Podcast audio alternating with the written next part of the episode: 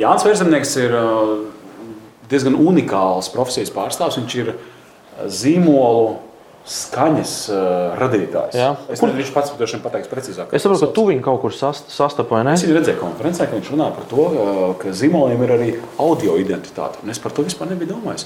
Bet, uh, tā padomā, ka ir ieslēgts Nokia telefons, tur ir kaut kāda ļoti atpazīstama melodija. ne? Uh -huh. Es tagad nedziedāšu, bet jā, ir.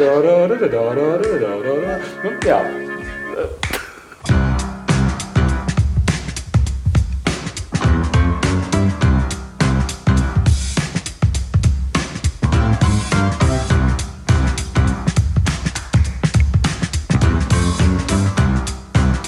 Audio zīmolvedis. Jā, jāpasaka vēlreiz. Audio zīmolvedis um, ir Jānis Verzemnieks, mūsu šīs dienas viesis.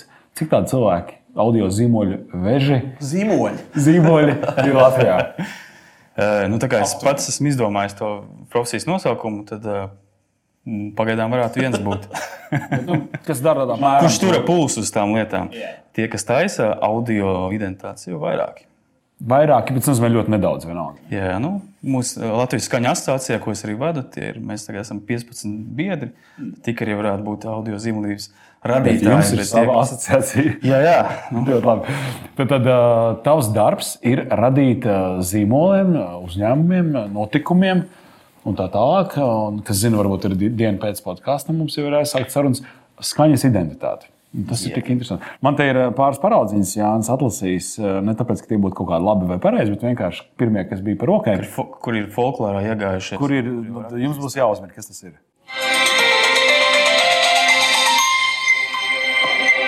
Jā, tā tad darbdiena vakar, cikos pusdeviņi. Jā. Panorāma. Man šo Latvijas televīzijā. Trapsāns uh, radījis, vai ne? Varbūt, varbūt. Kas mums te vēl ir? Vēl, vēl identitāte. Nu, šo būs viegli apzīt tiem, kas lieto abalu telefonus. Nu, Viņam, un, pat, ā, viņam pat remiks ir visādi. Jā.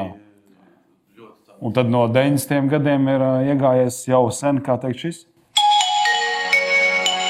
Tad gan tas toreiz 90. bija tāds monofonisks, tur nebija tik, tik, tik 30, 33. Nokia rokās. Nu, lūk, un, ā, Tā, tur ir tam apakšā visam, ko tu dari, ir teorija, vai tas tomēr ir kaut kas tāds, eh, ko tu vairāk vai mazāk eh, vadies ar, eh, ar, ar intuīciju. Uh, Ar praksi drīzāk. Es vienkārši oriģinālās karjeras sāku kā īstenībā kā grafiskais dizainers. Un tā audio zīmodība. Droši vien vispār no sākuma būtu jāsaprot, kā, ko tas termins nozīmē. Tad, pirmkārt, zīmodība pat par sevi. Tad tā ir, uh, tas ir darbības vārds. Pirmkārt, tad tas ir kaut kāds darbību kopums, uh, kaut kādas mārketinga taktikas, komunikācijas taktikas, uh, lai veicinātu vai paaugstinātu uzņēmuma vērtību. Tas ir zīmolīs, principā pamats, ja mēs tā visu noreducējam. Nu, tad, attiecīgi, ja mēs izjaucam atkal to darbības kopumu, tad ir pa detaļām, tad ir zīmols. Un zīmols jau pats par sevi ir kaut kā tāda nu, netvaroša lieta, jā, kaut kāda ideja, kas praktiski jau galvaskausā patērētāja galvās eksistē, kas ir viss at atmiņas saskarsmes punkti. Jebkura Uh, maņa par, jā, par kādu uzņēmumu, par sajūtu, vai par cilvēku un tā tālāk. Nu, tā ir tāda ar maņām netvarama lieta. Un tad ir vizuālā identitāte, kas jau ir tāda ar kaut kādu maņu notvarama. kā tu nonāci no tā grafiskā, no vizuālā uz, uz to skaņu? Tas, kas nerodas atšķirības starp skaņu un uh, vizuālo. Nu, tomēr cilvēks jau pamatā pasauli redz caur acīm. Un, nu, protams, ka skaņai ir nozīme, bet uh, kaut kāda, cik tur saka, 90% no informācijas mums ienāk caur acīm. Jā, un grūti šeit, ka procentuāli, jā, tāpēc kā kino, kino ļaudis saka, ka, tā, kad mēs skatāmies filmu, tad 70% no attēla mēs dzirdam. Mm. Jo mūzika ir uh, svarīga sastāvdaļa. Vai nu viņa sagrauj to attēlu, to, vai arī. Ja galvenais varonis ir tumšā pagrabā un ir dramatiska mūzika, man jau paliek bail. Bet, ja mūzika būtu tāda trālā, trālā, tad es zinu, ka tur viss būs labi. Jā, un tad, tajā brīdī arī pamanīji, ah, īstenībā mūzika ir nepareiza.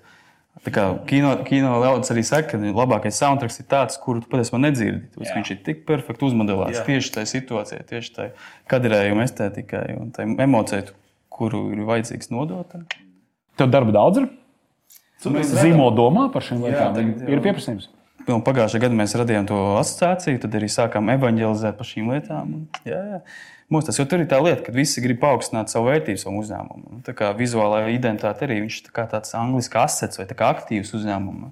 Viņam var piedāvāt nekustamais īpašums, jo viņš ir strateģisks zemes uzbūvēts. Viņš praktiski katru gadu paaugstina savu vērtību. Tas ir ar identitātēm. jā. Jā, zīmola komunikācijā tev ir, teiksim, mēs esam vērsušies pie tevis vai pie kāda cita speciālista, ir uzrādīta uh, šī skaņas identitāte. Kas tālāk? Tas nozīmē, ka radio, TV reklāmā tas ir, vai tas ir kaut kādā YouTube klipiņā. Nu, kur, tad, kur tad es varu izmantot to, to aktīvu, ko tu esi radījis? Tas ir pats svarīgākais. Jā.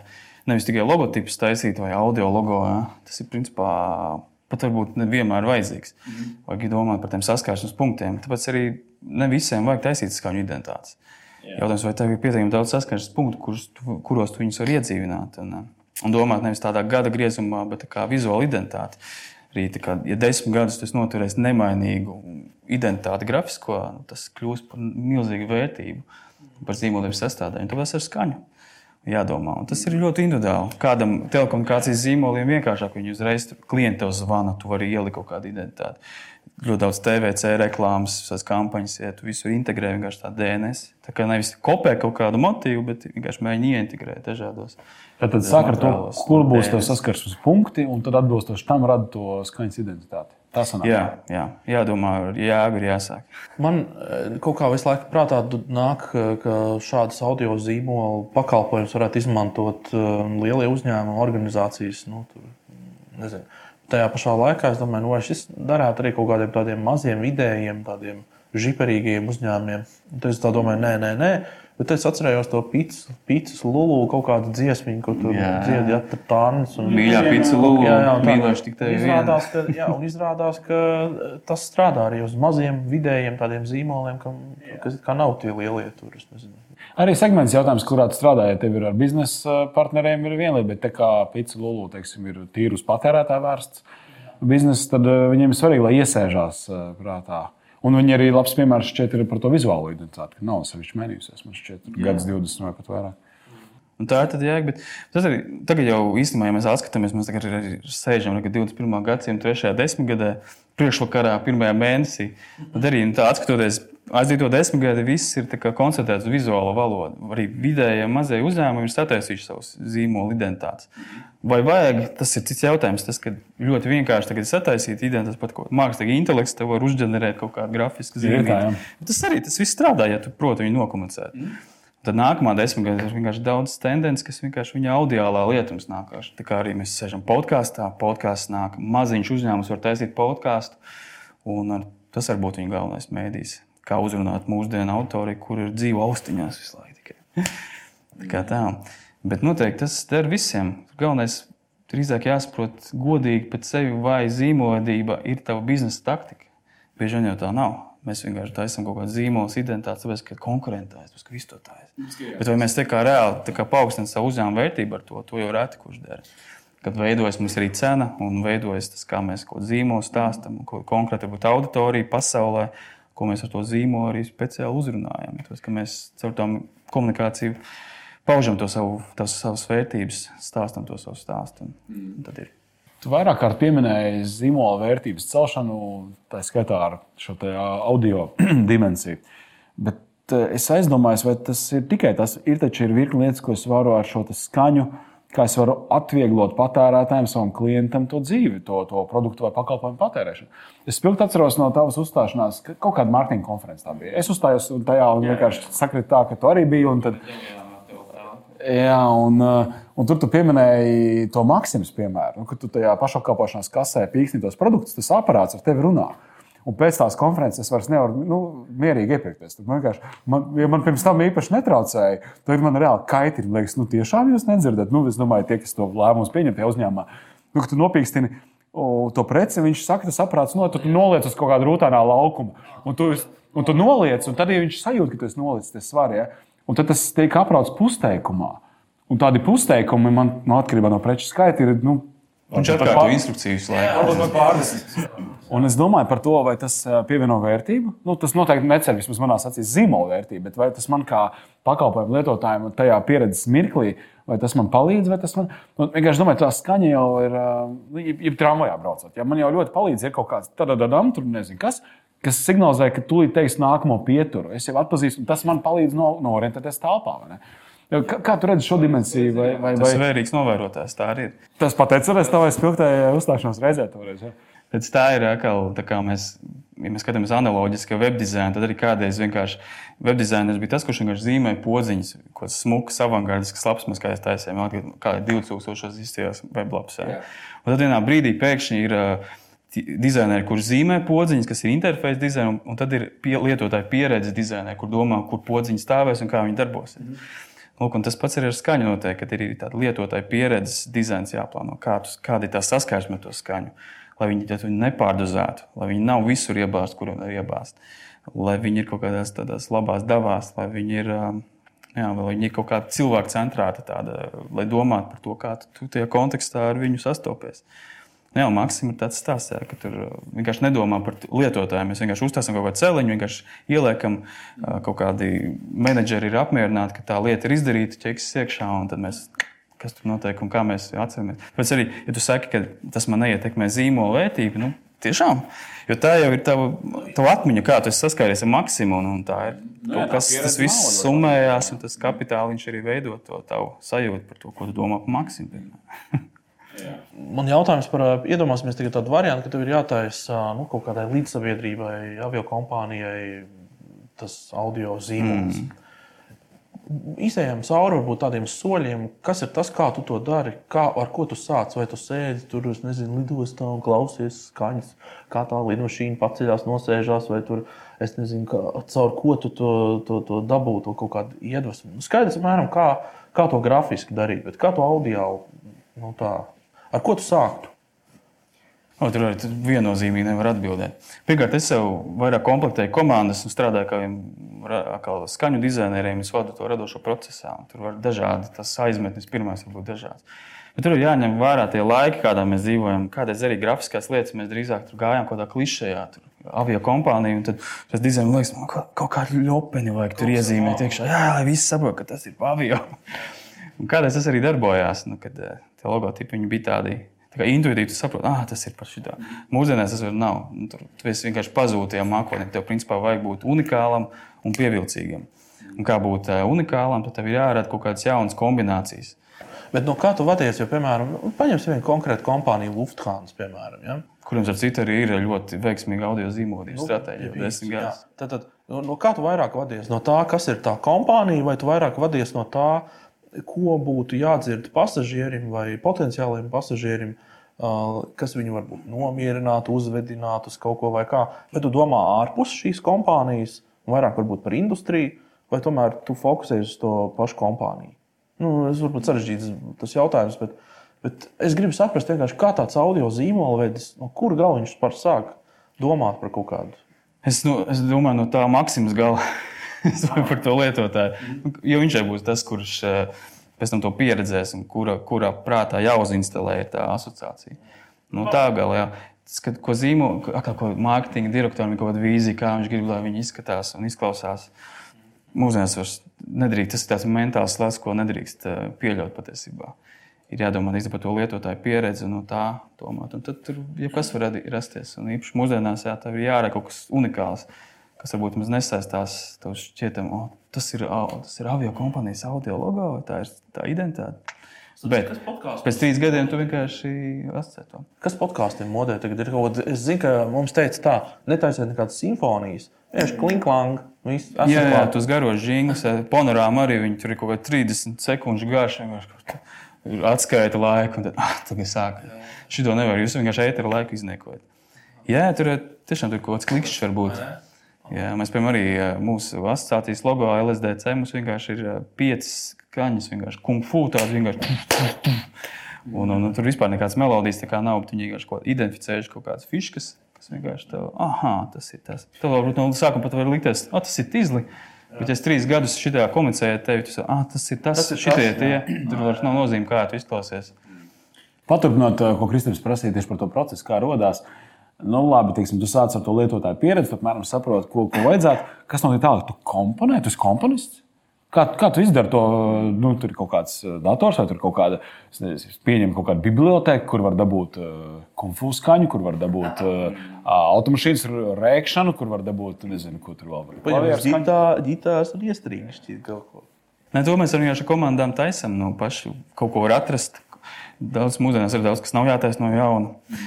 Kaut ko pašu var uztaisīt, jā, kaut ko ieskaņot. jā, tur To var darboties. Jā. Bet es, vai es esmu komponists? Nē, es komponists. Nē. Es esmu pilnīgi tas, kā, par to, ko es minēju, par to webdizaineru. Ir tie, kur zīmē podziņus, un tie, kur domā, kā podziņa, kur podziņa strādās. Es esmu tas, kurš domā, kur podziņa stāvēs un kā viņa klikšķināsies. Un tad vienkārši ir kāds skaņu dizainers, ko mēs kopā veicam tās lietas.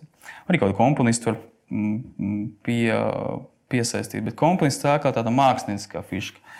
Skaņu dizains tā kā tāda pragmatiska. Mēs, ja mēs liekam kaut kādu brēcienu vai ģitāras zāģi, tad kāpēc mēs viņu liekam? Tad, kā mēs to skaņu kā, uzmodelējam? Un tad, bieži vien, ja tagad ir skaņu identitāte gatava uzņēmumam, tad viņš ar, ar to, tām vadlīnijām var iet pie kāda komponista slavenē, ka viņš, oh, mums tagad būs Tiguļu kungs, piemēram, mūsu komponēs kaut ko. Un tad viņš uzreiz, Tiguļu kungs, reiz viņš nevis no baltas lapas sāk kaut ko rakstīt, viņš, ah, rekur ir vienkārši jau kaut kādas vadlīnijas, kaut kāds DNS, no kā man vajag vadīties un to ieintegrēt.